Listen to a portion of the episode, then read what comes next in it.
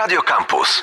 Piotr Topoliński, dzień dobry. Naszym gościem jest dr Łukasz Szurmiński, medioznawca, Wydział Dziennikarstwa, Informacji i Bibliologii Uniwersytetu Warszawskiego. Dzień dobry.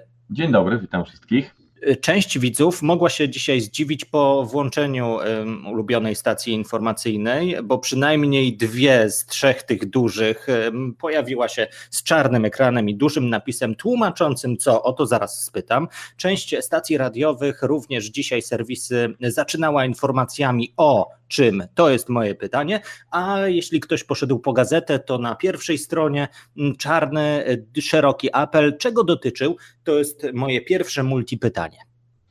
E, generalnie ten protest dotyczy właściwie, no mówmy wprost, tak, nowego, nowego podatku, bo rządzący mają taką manierę, że nazywają te nowo nakładane podatki na bardzo różny sposób, są to różne jakieś tam formy danin, ale w praktyce chodzi po prostu o podatek. Yy, I no warto pamiętać o tym, że opowieść, czemu ten podatek ma służyć, że to ma być jakaś danina, która ma wspierać służbę zdrowia w walce z COVID-em i tak dalej, i tak dalej, to jest wszystko, yy, mówiąc kolokwialnie, taki pic na wodę fotomontaż, to znaczy to nie wytrzymuje zderzenia z rzeczywistością. Pan profesor Kowalski, również pracownik naszego E, wydziału dokonał ostatnio takiego e, ciekawego podsumowania od tej strony czysto ekonomicznej, tak? Pokazując, że budżet NFZ to jest tam z tego co pamiętam mówił ponad, ponad 100 miliardów, ta danina to jest 400 milionów potencjalnie, które można ściągnąć, więc to jeśli chodzi o pomoc dla tą, która, czyli ten cel, który ma być zrealizowany, no to wiadomo, że to w ogóle nie, nie zadziała, że te 400 milionów, które udałoby się ściągnąć, to jest kropla w morzu.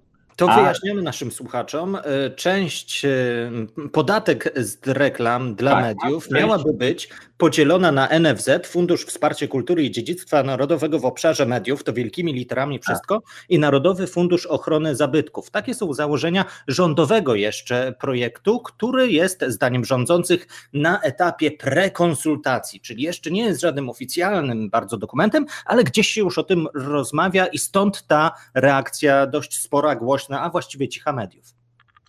No tak, i, i no bo my wiemy, że tak naprawdę no ten główny argument, który tu się pojawia, czyli te wszystkie fundusze, e, to te pieniądze to jest kropla w morzu, natomiast z drugiej strony my wiemy też, że po COVID-zie, no media, zwłaszcza media drukowane, ale nie tylko, jeszcze przed COVID-em e, były w dość trudnej sytuacji e, finansowej. Oczywiście różne, różnie, telewizje radzą sobie pewnie lepiej, media drukowane trochę są w trudniejszej sytuacji, bo poziom czytelnictwa spada, ale kontekst jest taki, że one już przed COVID-em były w dość trudnej sytuacji, bo od mniej więcej 10 lat spadają nakłady i sprzedaż. I teraz e, w czasie COVID-u tak dostały strasznie po głowie, no bo nie ukrywajmy, że obniżano wynagrodzenia, z częścią pracowników się pożegnano, no generalnie bardzo trudna sytuacja finansowa. Bo są Media też... oparte są o reklamy i tych tak, reklam również było mniej. Tak, a tych reklam też było mniej. I teraz, jeżeli my, że dokładamy nowy, nowy podatek, mówmy wprost, jest to po prostu podatek, e, to co on ma zrobić? On ma po prostu albo straszliwie utrudnić działanie e, tym mediom, które są niepokorne, czyli które patrzą rządzącym na rękę, albo je po prostu zabić. Mamy doświadczenia już węgierskie. Przypomnę tylko, że Jarosław Kaczyński, prezes, tak e, kiedyś, kiedyś wspominał o tym, że chciałby w Warszawie mieć drugi Budapeszt. No i widać, że my idziemy w tym kierunku. I teraz Sytuacja wygląda tak, że jeżeli, jeżeli mm, pamiętacie, jeżeli słuchacze pamiętają tą historię z tym, z tym europosłem e, Fideszu, prawda, który zwiewał porynnie z narkotykami w plecaku, no to z węgierskich mediów właściwie niewiele się można było na ten temat dowiedzieć, tylko dzięki temu, że istnieją media społecznościowe, e, ta opowieść o tym, co tam się tak naprawdę wydarzyło, dotarła do, do, widzów, do, do widzów, bo Facebooka i Google'a nie udało się Węgrom opodatkować, bo są po prostu za duzi.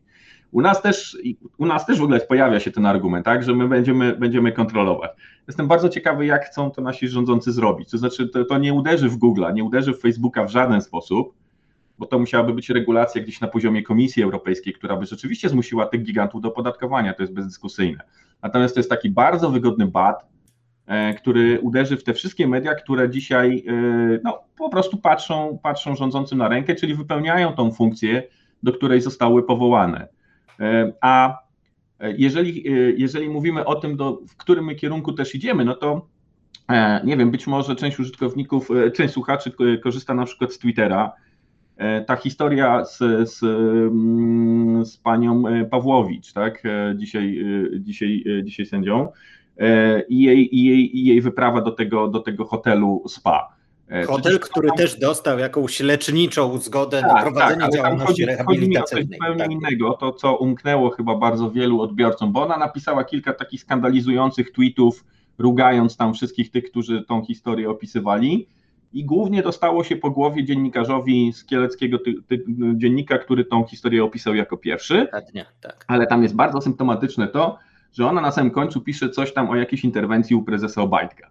Szczęście I Orlen... dziękuję mu za te y, interwencje. Tak. Natomiast, natomiast no Orlen jeszcze nie przejął w 100%, w 100% y, tych, tych, tych, tych mediów regionalnych, no ale to właśnie Łokik wyraził teraz zgodę, za chwilę prawda, przejmą je całkowicie, więc można się spodziewać, że taki człowiek, e, taki dziennikarz, który napisał taki tekst, pewnie z tej roboty niestety wyleci, straci tą pracę po prostu, ale też chodzi o taki efekt mrożący, to znaczy że mm, w tych 22 przejmowanych dziennikach regionalnych nikomu nie przyjdzie już do głowy napisać coś w ogóle krytycznego na temat partii rządzącej, mimo jakichś takich ewidentnych, tak, bo ja nie mówię tutaj o krytyce dla krytyki, no ale mamy ewidentnie e, taką sytuację dwuznaczną moralnie, kiedy hotele pozamykane, sanatoria pozamykane, tak, wszyscy mamy siedzieć w domach, a tutaj mamy, pani Emilewicz jeździ na nartach, pani, prawda, pani Pawłowicz jedzie, jedzie się leczyć. E, e, I niestety problem będzie polegał na tym, że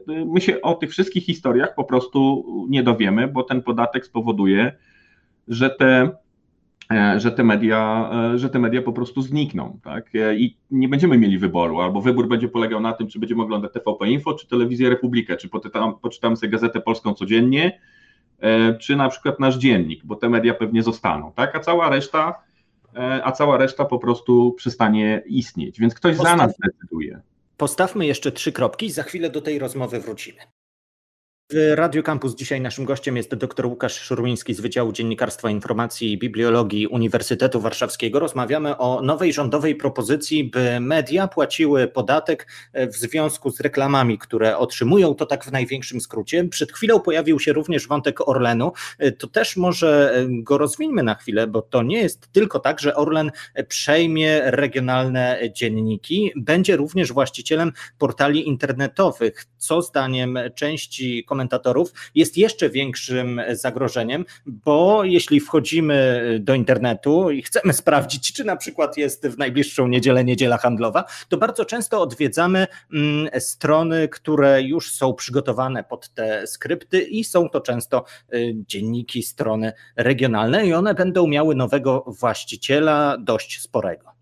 No tak, tak, tak. No to, bo to jest trochę rozwinięcie tego, czym, od czego żeśmy zaczęli, że, że no, te media drukowane są w kryzysie, więc samo przyjęcie tych 22 tytułów, ono jest znaczące w tym sensie, że to są marki, to są rozpoznawalne tytuły dla, e, dla, dla życia regionu. Natomiast za tym kryje się tak ponad setka portali tygodników e, związanych z dziennikami, z tygodnikami i w ogóle portali informacyjnych. I znowu taka opowieść o tym, że która popłynęła w oficjalnym komunikacie orlenowskim, że no to jest rozwój, tak, rozwój e, e, tych możliwości dotarcia do klienta, bo to są bazy i tak dalej, i tak dalej. No nie, no tak naprawdę znowu, biorąc pod uwagę, że duża część użytkowników przerzuciła się z papieru na internet, mm, próbuje się, próbuje się dotrzeć po prostu do, do, tych, do tych odbiorców i zapewnić sobie taki pas transmisyjny.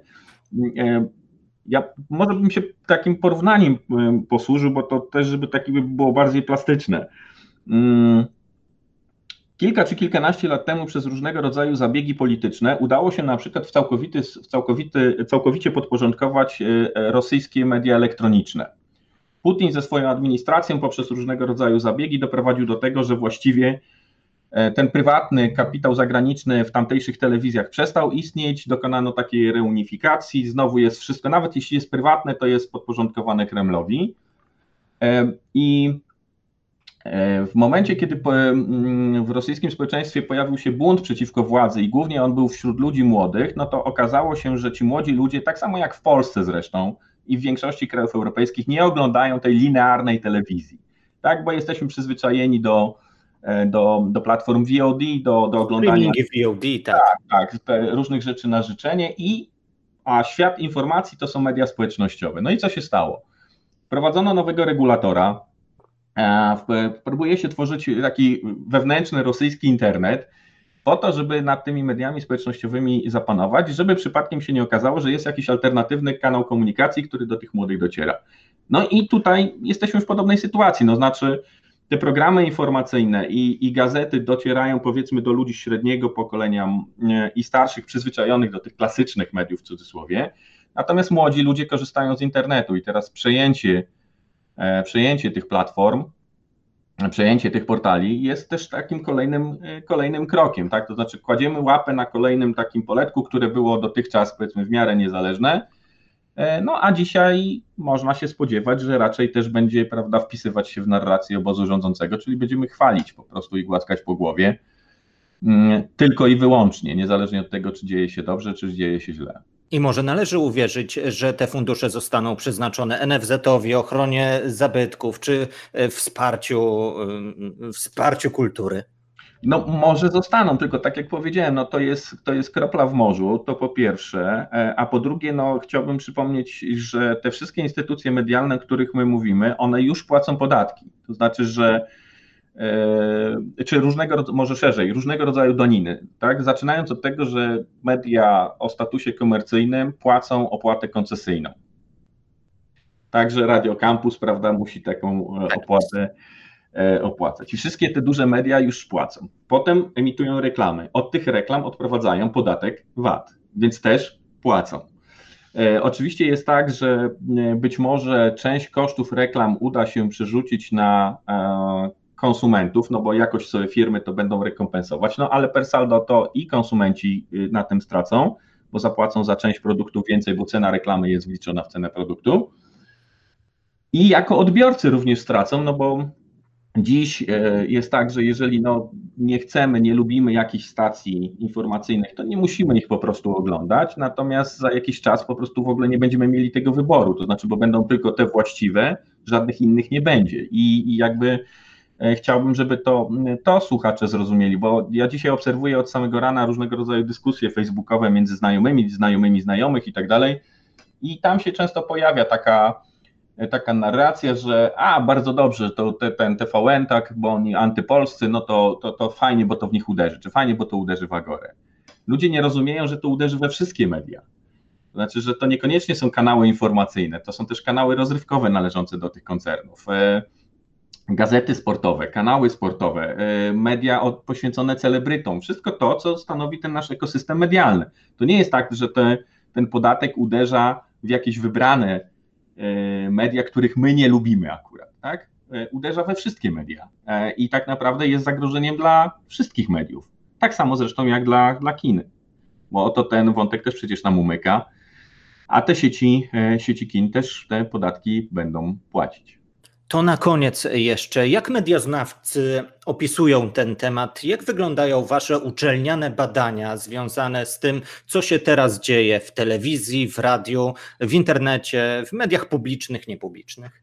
Znaczy, to jest, to jest, rzecz, to jest rzecz dosyć dynamiczna, która się dzieje, więc, więc no nie jest też tak, że, że, że zostało to jakoś dogłębnie zbadane, aczkolwiek ja uczestniczę na przykład w jednym czy w dwóch takich, takich projektach, gdzie E, no, powstały już na ten temat e, artykuły też e, anglojęzyczne, które gdzieś tam próbujemy zaadresować do dobrych pism, które pokazują, jak wygląda zmiana w Polsce po 2016 roku, czyli co się zmieniło, jeżeli chodzi o kwestie prawne związane z funkcjonowaniem mediów publicznych w Polsce, bo to głównie dotyczy mediów publicznych. Co się zmieniło, jeżeli chodzi o stosunki pracy, to znaczy jak wygląda to z perspektywy pracownika, no i jak to wygląda, jeżeli chodzi o samo badanie zawartości. Ja akurat zajmowałem się głównie paskami i tymi opowieściami dotyczącymi głównego programu informacyjnego. Ten, ten zasób pasków mam zebrany na kilka tysięcy taki zbiór dosyć dobrze skatalogowany, więc jest na kilka lat e, zabawy. To ten e, program o 19.30, nie zdradzając tak, szczegółów. Tak, to... tak, tak. E, no i, i myślę, że to dopiero jest mm, początek tej przygody, to znaczy teraz powstają jakieś dwie prace licencjackie pod moim kierunkiem, które też idą w tym, to się będzie rozwijać, bo tak naprawdę to, co się dzieje teraz, e, wymaga pewnego namysłu i pewnej refleksji, więc przełoży się to na jakieś publikacje pewnie w przeciągu, no nie wiem, roku powiedzmy. Tak? Nie jest tak, że, że, że mm, e, od razu my będziemy mieli do czynienia z jakąś, z jakąś reakcją na poziomie artykułów naukowych czy jakichś głębszych analiz, ale to się dzieje, to się już dzieje. E, natomiast no, my też nie, nie funkcjonujemy w próżni, więc warto pamiętać też o tym, że po pierwsze, dziennikarze z wielu mediów na, e, europejskich zwracają się do nas też z prośbą o komentarz, że na zasadzie wyjaśnijcie nam, co się u Was w ogóle dzieje. No i mamy ten e, indeks reporterów bez granic, tak, gdzie odnotowaliśmy kolejny spadek. Dzisiaj jesteśmy już chyba poniżej 60 pozycji, jak dobrze pamiętam, byliśmy na 18. Więc no to też jest, też jest dosyć znaczące. Doktor Łukasz Szurmiński, Wydział Dziennikarstwa Informacji i Bibliologii UW. Dziękuję za to spotkanie, dziękuję za komentarz. Dzięki, pozdrawiam. Radio Campus, same sztosy.